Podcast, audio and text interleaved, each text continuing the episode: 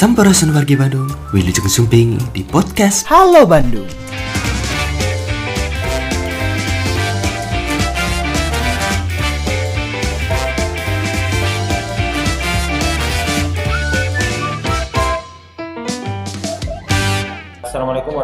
Wabarakatuh. Kami ingin sampaikan bahwa pada hari Sabtu tanggal 21 Agustus tahun 2021 perkiraan antara jam 19.20-an telah terjadi uh, musibah Pak transmisi air baku kita pecah di daerah Jalan RE Marta Dinata, tepatnya di depan Bank BRI ya, sebelum perempatan Jalan Pramuka kalau dari Dabu. Pipa transmisi itu kalau kita bicara histori sejarah adalah pipa transmisi yang mengalirkan air dari Cisangkuy, Pangalengan, Kabupaten Bandung sampai dengan Badak Singa, Kota Bandung. Jaraknya kalau kita tempuh dengan kendaraan mungkin lebih dari 42 km. Tetapi karena ini pipa, jaraknya sekitar 36 km. Pipa tersebut dibangun atau ditanam di sepanjang jalan dari Pangalengan sampai dengan Kota Bandung pada tahun 1900 atau kurang lebih sekitar 65 tahun yang lalu. Pipa itu berukuran diameternya 900 mm atau 90 cm. Jadi kalau anak kecil itu bisa lari-lari dengan bebas ya di dalam pipa berbahan atau dibuat dari bahan cast iron. Cast iron itu airnya besi, case-nya itu metal yang ya campur-campur besi campuran. Tebalnya kurang lebih mungkin lebih dari 1,8 mili atau hampir 2 cm ya. Pipa itu mengalirkan air baku dari Sungai Cisangku sebesar antara 650 sampai 750 liter per detik. Kemudian elevasi atau perbedaan tinggi dari inti kita di Pangalengan sampai dengan titik nol di daerah Balai Endah itu sekitar 175 meter kalau tidak salah. Kemudian naik lagi dari Balai Endah titik nolnya ke arah Kota Bandung sehingga level terakhir itu mungkin ada di perbedaannya mungkin kurang dari 10 meter ya kenapa kurang dari 10 meter? Ya kalau lebih pasti masih kena acelang-acelangan saya nanya kira-kira begitu.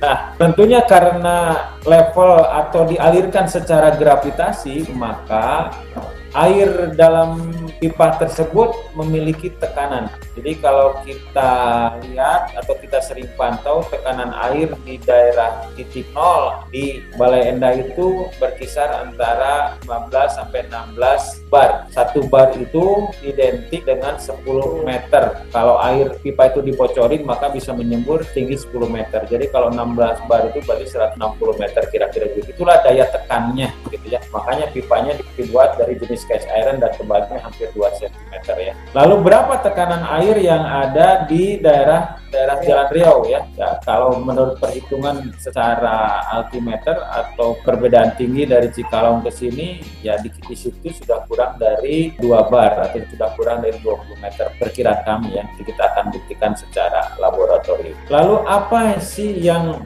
memungkinkan terjadinya kebocoran pipa? Secara teori kebocoran pipa bisa diakibatkan oleh beberapa hal. Satu, akibat water hammer. Water hammer itu adalah ada aliran balik atau ada tekanan balik karena turbulensi air ataupun karena ada udara terjebak. Sehingga terjadilah tekanan besar yang mendadak yang bisa memecahkan pipa. Yang kedua, pipa juga bisa pecah gara-gara atau akibat dari memang kerusakan pada pipa sendiri, misalkan korosi ataupun hal-hal lainnya. Yang ketiga, pipa juga bisa pecah akibat getaran. Nah, getaran ini kan bisa diakibatkan oleh getaran vulkanik, tektonik, ataupun juga bangkitan lalu lintas. Dan yang terakhir, pipa juga mungkin bisa pecah gara-gara ada tekanan dari atas ataupun dari bawah. Berdasarkan hasil investigasi pengamatan secara visual maupun melihat data-data yang ada, maka kami coba lihat investigasi bahwa pada hari itu aliran air itu bisa dikatakan steady ataupun laminer ataupun juga dikatakan normal. Kenapa? Karena debit yang masuk itu pada kondisi normal sekitar 700 liter per detik dan dari sumber air baku pun dari buangan turbin PLN gitu ya airnya pun masih tersedia cukup artinya tidak dimungkinkan secara teori ada terjadinya water hemat akibat turbulensi biasanya turbulensi itu karena akibat debit air masuk yang berubah-ubah sehingga berpotensi menimbulkan jebakan udara jadi kesimpulan seperti itu pertama ya tidak mungkin akibat adanya water hammer ya tapi ini baru bersifat sementara. Yang kedua, Kalaupun itu diakibatkan water hammer, maka perkiraannya ya tekanan tinggi itu justru ada di daerah-daerah kabupaten. Makanya tadi saya sampaikan bahwa daerah Balai Endah itu merupakan titik nol. Jadi titik air itu atau pipa itu turun sampai titik nol itu di Balai Endah karena dari Balai Endah pipa itu mulai menaik lagi ke Kota Bandung maka disebutkan titik nol itu bisa sampai 16 bar. Nah itu tekanan paling tinggi dan itu yang memungkinkan pecahnya di situ. Kalau akibat water hammer misalnya. Oh udara terjebaknya nggak di situ, ya mungkin di mana ya? Kalau udara terjebaknya ada di Riau kan tekanannya berarti kan kecil gitu loh. Ini ini hitungan-hitungan secara praktis. Jadi kalau water hammer biasanya kemungkinan lebih besar terjadi di daerah seperti Banjaran ataupun daerah Balenda dan Bangladesh karena di situ ekstrim ya. Yang kedua, akibat misalkan kerusakan atau umur pipa. Pipa ini memang sudah berumur hampir 65 tahun. Tapi kemarin itu kita melihat bahwa pipa itu memang sudah tidak halus lagi, sudah kasar karena akibat adanya bahan-bahan atau mineral yang menempel ataupun menggerus. Tetapi secara umum pipa ini tidak menipis kalau menurut penglihatan kami ya dan begitu tebal dan masih mulus. Jadi eh, secara visual kami tidak melihat bahwa telah terjadi kerusakan akibat pipa yang korosif. Walaupun kalau kita lihat di atas sepertinya korosif, tapi kalau kita bersihkan sebetulnya tidak korosif ya, karena memang begitulah penampakan kira-kira begitu ya. Kemudian kalau berdasarkan gempa ataupun getaran tektonik atau vulkanik, ini kita belum cek ya, tetapi rasanya di, di jam itu tidak ada getaran ya, tidak ada terjadi kegiatan gempa. Nah, yang terakhir adanya misalkan tekanan dari atas akibat bangkitan lalu lintas. Nah, ini ini yang sedang kami coba telusuri. Kami sudah mencoba berkoordinasi dengan beberapa kantor yang tepat di depan uh, kejadian kami. Barangkali mereka mereka mempunyai rekaman CCTV sehingga bisa melihat apakah di situ ada kendaraan berat yang melintas sehingga memungkinkan pada saat itu terjadi tekanan yang kuat dari atas sehingga membuat kondisi pipa menjadi retak dan kemudian pecah ya.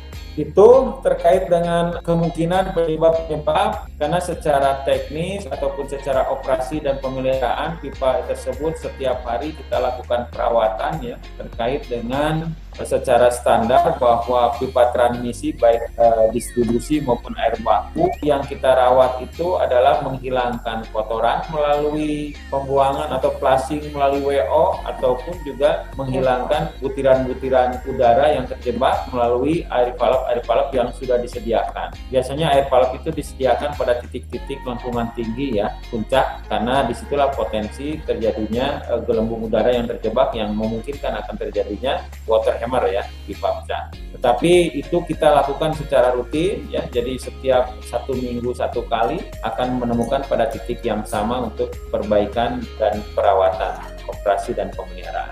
Lalu bagaimana tentang progres perbaikan ataupun penggantian pipa yang rusak. Karena pipa itu meledak ataupun pecah pada hari Sabtu malam, tentunya ini memiliki kesulitan tersendiri. Kenapa? Pipa ini tertanam di Jalan Riau atau RE Marta Dinata sedalam satu setengah meter dari punggung pipa sampai permukaan atas aspal. Jadi cukup dalam ya satu setengah meter.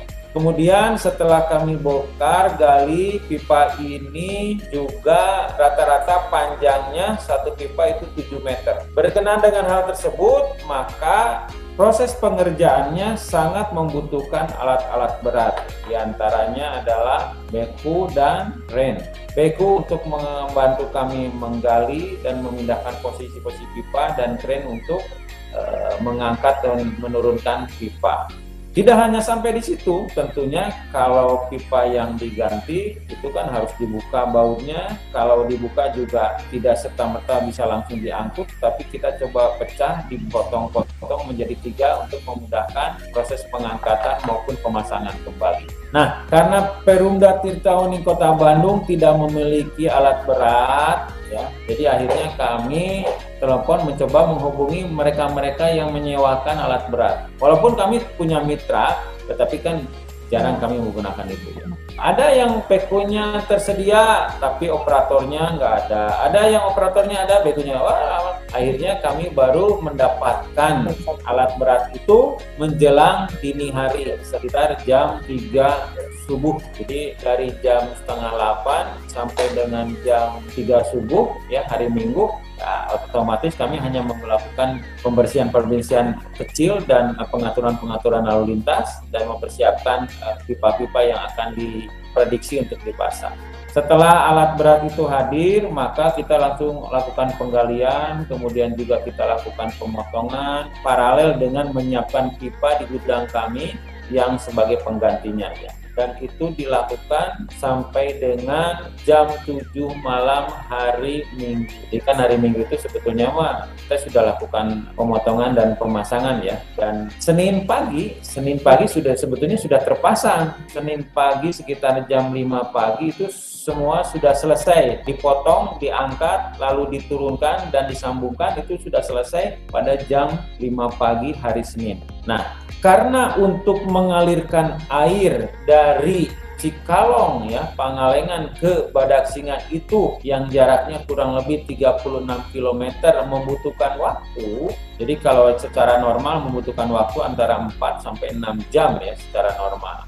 Itu kita butuh waktu untuk mengisi pipa yang kosong.